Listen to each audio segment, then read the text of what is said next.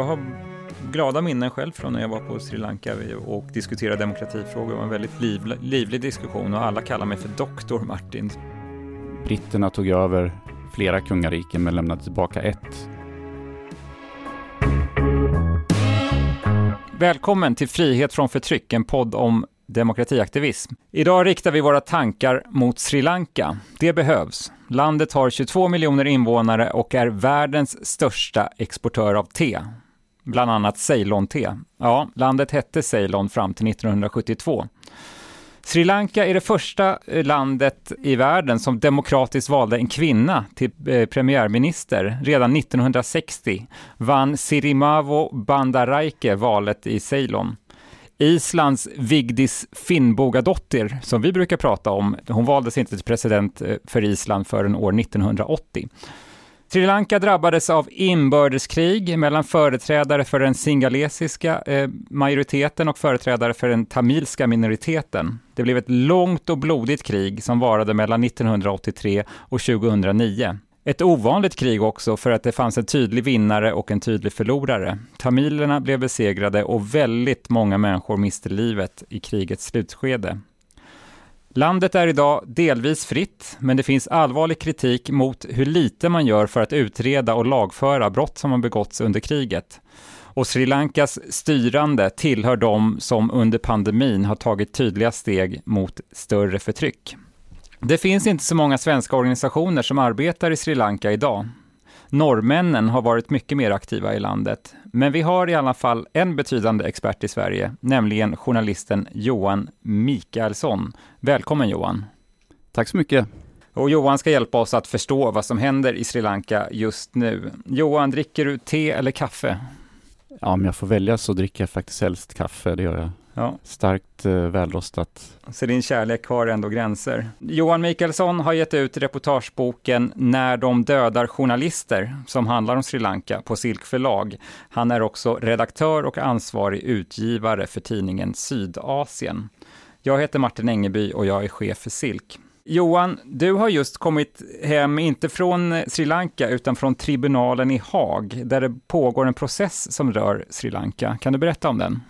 Ja, det här är ju en folktribunal som det kallas då. Nu har det här initiativet tagits av tre organisationer, tre pressfrihetsorganisationer, alltså Reporter utan gränser, eh, Free Press Unlimited som är holländsk organisation och eh, Committee to Protect eh, Journalists. Så de tre tillsammans har gått ihop då och under eh, den här folktribunalens paraply så arbetar de med, med att ta upp eh, tre väldigt tydliga fall av mord på journalister då.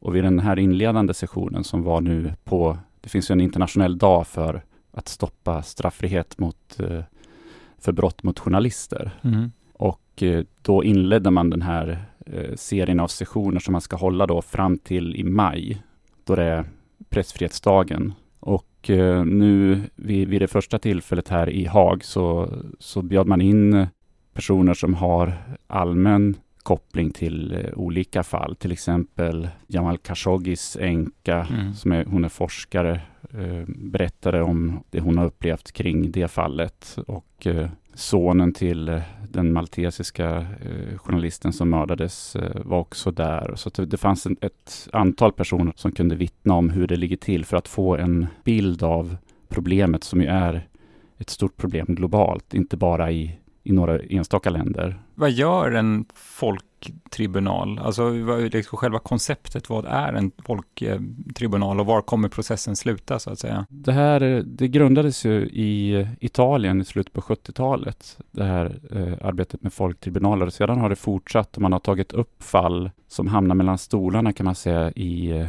nationella och även internationella processer hur det kommer att fortsätta? Ja, det nästa session så kommer man att ta upp fallet som rör Sri, Lanka, eh, Sri Lanka då. Mm. Och det är, utav de här tre fallen så kanske det är det som har fått mest uppmärksamhet i världen. Om man ser på journalistmord och det är fortfarande väldigt eh, uppmärksammat. Och då kommer man alltså att eh, ta in vittnen kring det fallet eh, och bjuda in även företrädare för eh, regeringen som är den så att säga anklagade parten i det här. Kommer regeringen att delta? Det tvivlar jag på. Det tvivlade de som arbetar med, med tribunalen här i projektet. Som det, projektet kallas ju A Safer World for the Truth och under det här People's Tribunal. Då. Mm. Din bok heter När de dödar journalister och på, på framsidan av den boken så är det en person som du känner som har blivit dödad. Kan du berätta någonting om honom? Mm, mannen på bilden är ju Lasanta Vikramatungu som var redaktör för eh, tidningen Sunday Leader i Sri Lanka. Då. Han blev mördad 2009, 8 januari. Det var mitt på dagen i, i Colombo, mitt i staden. Han var på väg till sitt jobb. Han åkte i sin bil där och blev eh, omriggad av eh, motorcyklar med, med två män på varje, fyra motorcyklar. Och de här männen slog sönder rutorna och, och slog sedan något, ett föremål i huvudet på La Santa då. Mm. Så att han avled sen på sjukhus. Och det här skedde i närheten av en militärpostering. Och militären ingrep inte? De eh, gjorde ingenting och eh, de här kun, som begick det här mordet kunde ju fly därifrån, köra förbi alla, alla militärposteringar sedan. Så Men jag kände inte honom personligen. Jag kände andra journalister som har blivit mördade. Men jag har träffat honom någon gång. Hans fall är då ett av de fallen som man, ska, som man uppmärksammar i den här tribunalen. Ja, det stämmer. Och när tribunalen, de kommer ju sen uttala sig om det här. Vad förväntar sig organisationerna att vad tar vi där så att säga? De talar kanske för, för döva öron i Sri Lanka, men finns det någonting som som Sverige eller som svenska organisationer egentligen bör göra för att följa upp det här? Organisationerna har ju redan pekat ut eh, inte bara Sri Lankas regering för journalistmord utan till exempel Reporter utan gränser. De eh, listar ju rovdjur på pressfrihet som, om man ska översätta det, som alltså attackerar eh, journalister och eh, under en total straffrihet. Mm. Och där finns ju då Sri Lankas nuvarande president och hans bror också som var president tidigare. Ja, hur kommer man bevaka den här tribunalen i lankesisk press? Det har förekommit en hel del eh, mindre artiklar. Jag tror inte att det har varit så ingående än och att det har fått allt för stor uppmärksamhet. Och det kan ju ha att göra också med att det är känsligt att eh,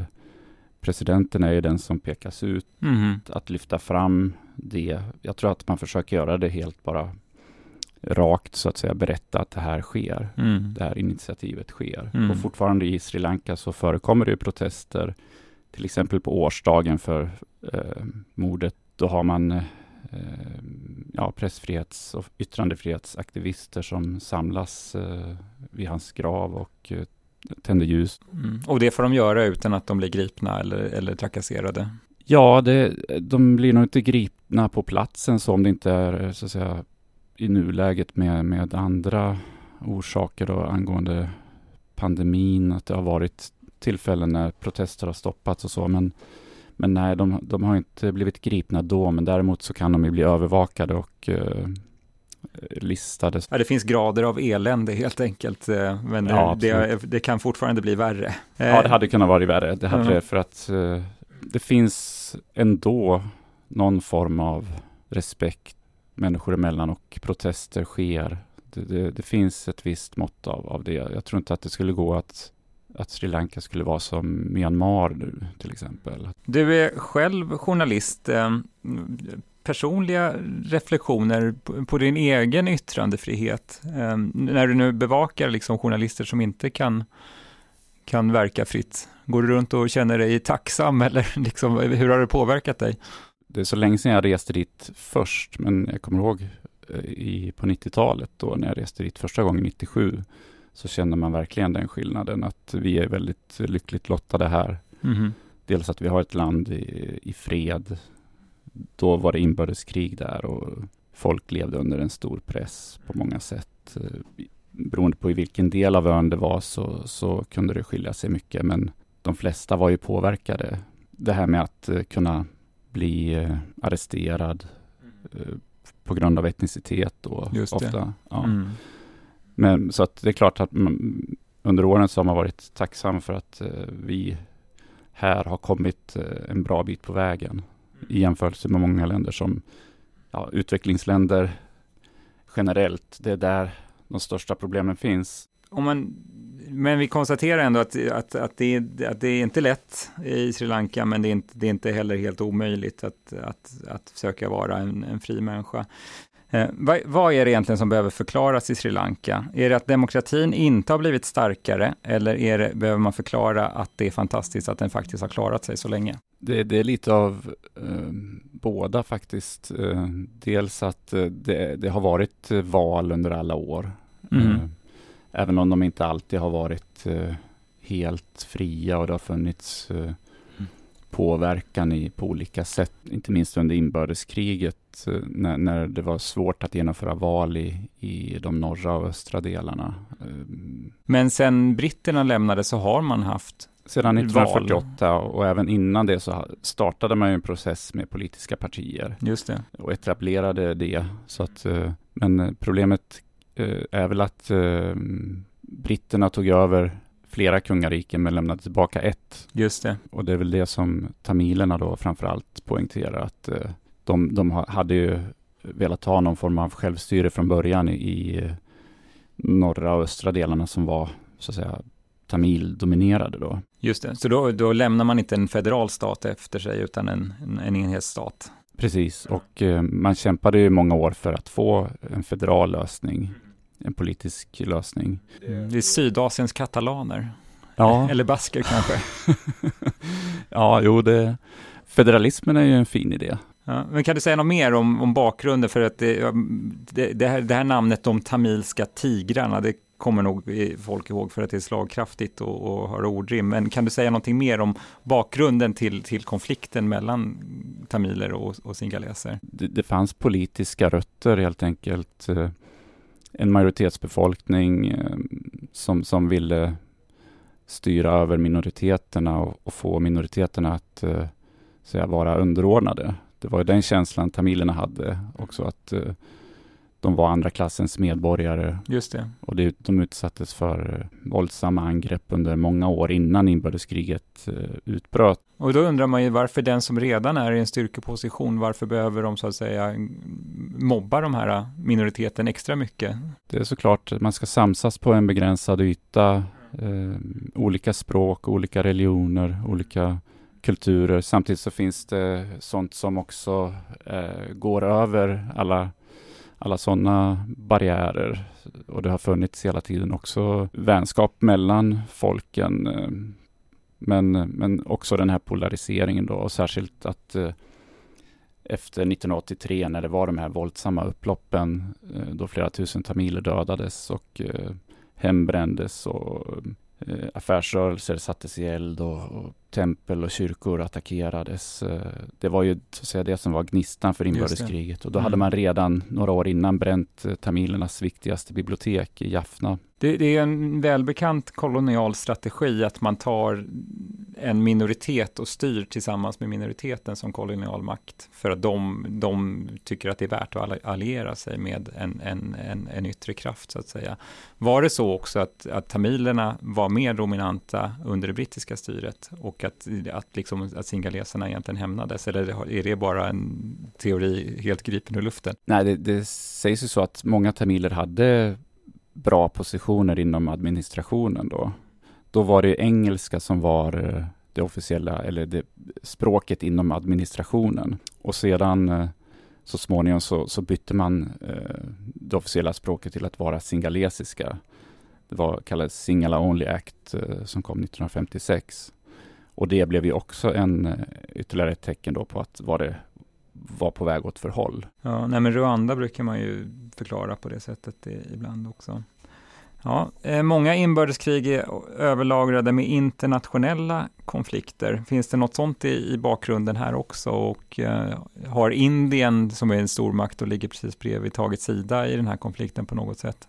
Är det ett proxykrig eller är det helt deras eget? Ja, Indiens inblandning kan man ju tala länge om. De, de hade ju också trupper där eh, fredsbevarande trupper i slutet på 80-talet. De gjorde ju en insats för att på något sätt eh, det skulle bli en lösning mellan eh, singaleser och tamiler, en maktdelningslösning. Mm. Men som så många gånger så, så misslyckades det av olika anledningar och eh, efter Indiens eh, närvaro där, truppnärvaro som, som var illa sedd bland tamiler på grund av så här, övergrepp som, som genomfördes av de indiska styrkorna då, så fick de lämna ön.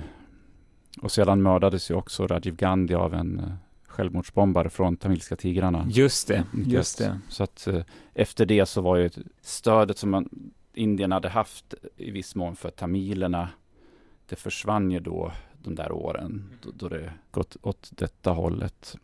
Och sedan så, så, eh, så, så mer eller mindre så upphörde det stödet och eh, liksom vägde över till att eh, regeringssidan fick stöd, även om Indien officiellt ville så att säga verka som någon sorts fredsmäklare. Ja, ett land som inte är en stormakt är Norge, men Norge har spelat en väldigt eh, betydande roll i, i Sri Lankas fredsprocess, för jag förstår. Ja, absolut. De, eh, dels så, så det kom mycket tamilska flyktingar till Norge mm. eh, under några år på 90-talet var det säkert framför allt, eh, kanske tidigare än så, men eh, i samband med det så, så upprättades relationer då en av de högsta ledarna, den ideologiska ledaren för tamilska tigrarna fick eh, kontakter där och fick vård också eh, när han var sjuk och eh, kunde sedan så att säga upprätta relationer och Norge kom in som en medlare och även Sri Lankas dåvarande president så att säga fick in de norska medlarna då i, i detta. Där, därigenom så, så upprättades den rollen och sen så var ju Norge de här fredsmäklarna, de hade ju fredssamtal i början på 2000-talet. Står, eh, är det någon norrman som står staty på Stortorget i Colombo nu för tiden? Är de populära, norrmännen, eller? Det blev ju inte så, tyvärr, att eh, fredsprocessen gick framåt, utan den gick till en viss punkt och sedan så tog det stopp då på grund av, ja man ska gå in på det, det är många, många faktorer, men, men det, våldet eh, började ju om igen. Eh, Erik Solheim var ju den som var huvudförhandlare då. Eh, men han eh, var inte så populär bland eh, singaleser. Jag tror att fredsprocessen hade ett, en svårighet att bli förstådd i Sri Lanka. Mm. Och den slutade aldrig med ett fredsfördrag, utan den slutade med att, att majoriteten vann över minoriteten. Ja, inbördeskriget återupptogs ju även under medan vapenvilavtalet eh, fortfarande var inte rivet och så, så krigades det. Och sedan när det formellt eh, revs eh, 2008 så, så tog det fart på riktigt och det blev det avslutande 2008 och fram till maj 2009. Det har ändå gått eh, lite mer än ett decennium sedan kriget tog slut, eh, så att nu försöker man bygga upp ett, eh, ett, eh, ett, ett samhälle och det är klart att man inte blir lika påverkad av kriget, även om det kastar väldigt långa eh, skuggor. Ehm, vi konstaterade att man tidigt valde en kvinna till regeringschef i, eh, i Sri Lanka. Hur är kvinnans ställning i Sri Lanka i, idag? På många sätt så, så har många kvinnor en framskjuten position. Så ibland om vi pratar om politiken så tror jag att många kvinnor har hållit sig ifrån politiken på grund av att den är det är väldigt buffligt. Det är en ganska låg andel kvinnliga parlamentsledamöter i jämförelse med andra länder i Sydasien också. Men eh, som du säger, det fanns tidigt en eh, kvinnlig premiärminister och en kvinnlig president. Ja, man får nog ändå säga att grannlandet Indien har ett väldigt dåligt rykte vad gäller kvinnors ställning i samhället. Man talar om våldtäkter och trakasserier och, och sådär. Men är det Sri Lanka då, ett land som är lite mer framåt för, för kvinnor? Om man ser i det dagliga livet och så, så, så det finns en respekt eh, absolut för kvinnor eh, generellt. Så. Sen så har vi, om vi går på inbördeskriget så det har pratats om det, men det förekom ju väldigt mycket utnyttjande av eh, tamilska gerillasoldater som, mm. som blev tillfångatagna av regeringsstyrkorna och eh, fortfarande är i en väldigt utsatt position då. Och eh, det har förekommit omfattande sexuellt våld i det mm. sammanhanget. Just det.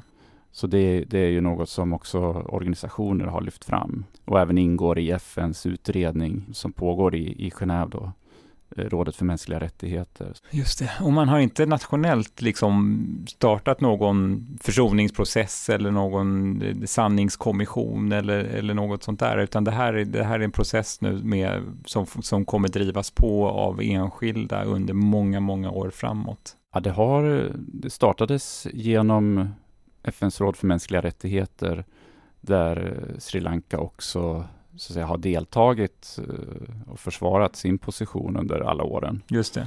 Eh, men eh, där har, har det så att säga varit att Sri Lanka har varit en filibuster och man har, de fördröjer hela tiden och förhalar allting. Ja, ja, och de har inte startat en egen vitbok så att säga för att nu ska vi se vad som har hänt och, och bjudit in forskare till att etablera sanningen. Jag, jag såg att det är väldigt mycket, just krigets slutskede så finns det väldigt mycket dispyt om hur, hur många som faktiskt mister livet. Eh, mellan, jag läste siffror mellan 10 000 och 140 000. Men ja. jag, jag, jag vet inte. Jag, Nej, det är väldigt mm. svårt att veta men, men eh, Därför hade det varit bra att uh, utreda det på riktigt. Uh, regeringen har gjort sina utredningar och uh, andra har gjort alternativa utredningar och FN försöker att utreda.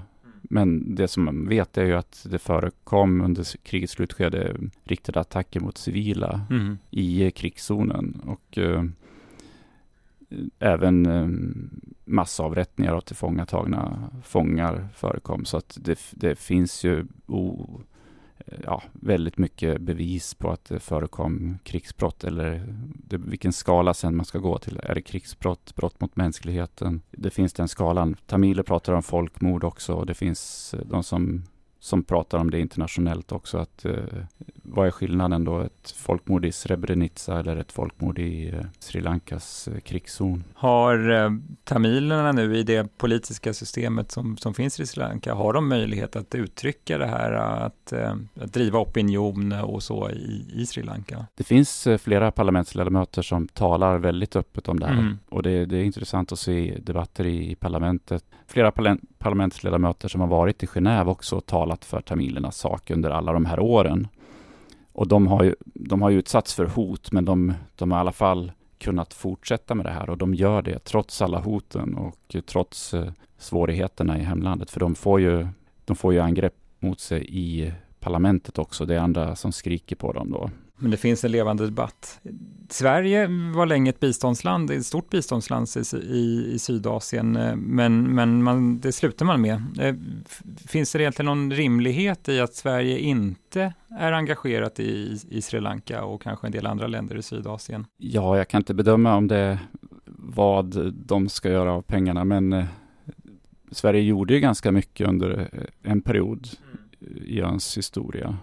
Ehm, och man var väldigt, eh, man var delaktig i fredsprocessen genom att man hade fredsobservatörer på plats. Sedan eh, som, som den, den, här perioden när, när, Sverige minskade antalet ambassader, då var Sri Lankas ambassad en av de som stängde runt 2010. Och därefter så, så har det väl skett eh, alltså organisationer som har varit på plats och hjälpt. Men eh, svenska staten har väl begränsat sitt eh, sina riktade insatser. Ja, nej, det finns det är klart, det är många som behöver stöd, men eh, det, det känns alltid som en väldigt värdefull kontakt. Eh, inte bara att det finns eh, diplomatiska kontakter, utan det faktiskt finns folk som jobbar på marken. För att det är tack vare det som vi kan ha ett samtal om landet. Ja. Ehm, och jobbar man för en för den svenska regeringen så är det mycket svårare att beskriva saker, alltså så som man själv egentligen tycker, utan man har också hän, diplomatiska hänsyn att tänka på. Jag kan säga det om, om EUs uh, roll i det hela också, så har ju de, de har ju den här uh, möjligheten att uh, antingen ge ett land de här handelslättnaderna som kallas GSP+. Just det. Och det har ju varit hela tiden en morot och piska där. Och genom att Sri Lanka har haft tvivelaktiga track records när det gäller mänskliga rättigheter så har, har det här så att säga tagits tillbaka och sen så var det några år där Sri Lanka hade en annan regering eh, som var mer i dialog med omvärlden och som var mer inriktad på att eh, åtminstone i ord gå till, till eh, lite mer till botten i, i de här frågorna eh, 2015 till 2019 när man inte pratar om krig och, och politik, eh, för att det är, det är väldigt viktigt, men det är inte hela livet. Vad, är liksom, vad står på agendan i, i Sri Lanka just nu? Vad är det liksom för samhällsutmaningar som man pratar om idag? idag? För att, ja, som jag sa, det här är ju ändå ett krig som vi förhoppningsvis håller på att lägga bakom, bakom oss. Ja, det är ju utan tvivel ekonomi som människor pratar om. Det är eh, både landets ekonomi och den egna ekonomin. Alltså många människor som nu under pandemin har förlorat inkomst drabbas väldigt hårt. Man är ett stort turistland och det är helt slut. Ja, det, det har ju legat eh, väldigt lågt med, med antal, ja, inresande i landet helt enkelt. Och genom att de har kommit in med kapital, då har ju också landet fått ett inflöde. Men eh, nu så, så kommer det inte in kapital och landet är redan skuldsatt väldigt mycket till Kina. Så att, och det har ju visat sig, det, det finns problem med att köpa in eh, även bränsle. Det, det, kan bli riktigt illa för Sri Lankas ekonomi. Ja, det finns mycket, mycket, mycket, det finns mycket att oroa sig för. Men finns det någonting som gör dig hoppfull när du tänker på Sri Lankas eh, framtid? Ja, det skulle vara människorna helt enkelt. Eh, att det finns så väldigt eh, många fina, goda människor som kan åstadkomma en förändring. Och framförallt den yngre generationen skulle jag tro vill ha en annan typ av politiskt ledarskap. Inte det här som, som vi pratar om, det här gamla buffliga. De kanske vill ha lite mer progressiva, förändringsbenägna och även eh, miljön är en stor fråga.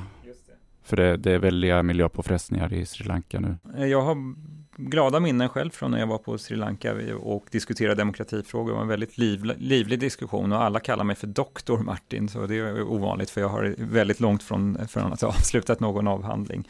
Eh, stort tack för att du ville vara med Johan. Tack. Eh, boken När de dödar journalister som Johan Mikaelsson har skrivit, den finns alltså att köpa i vilken nätbokhandel som helst. Eh, och man kan också bli prenumerant såklart på tidningen Sydasien om man är intresserad av den här eh, regionen. Du har lyssnat på Frihet från förtryck, en podd om demokratiaktivism och biståndspolitik. Vi är SILK, Svenskt internationellt liberalt centrum, och vi arbetar med demokratibistånd, fria val och utvecklingsdebatt. Den här podden har finansierats av stiftelsen Karl Staffs fond för frisinnade ändamål och av dig som är skattebetalare, vars pengar har insamlats av Skatteverket, utdelats av regeringen till Sida, vidare till en organisation som heter Forum SIV, som i sin tur har tecknat ett projektfinansieringsavtal med SILK. Klippning och teknik Max Valentin. Följ oss på Facebook, hitta fler avsnitt på silk.se podd och kom ihåg, utan demokrati Och kom ihåg, utan demokrater blir det ingen demokrati.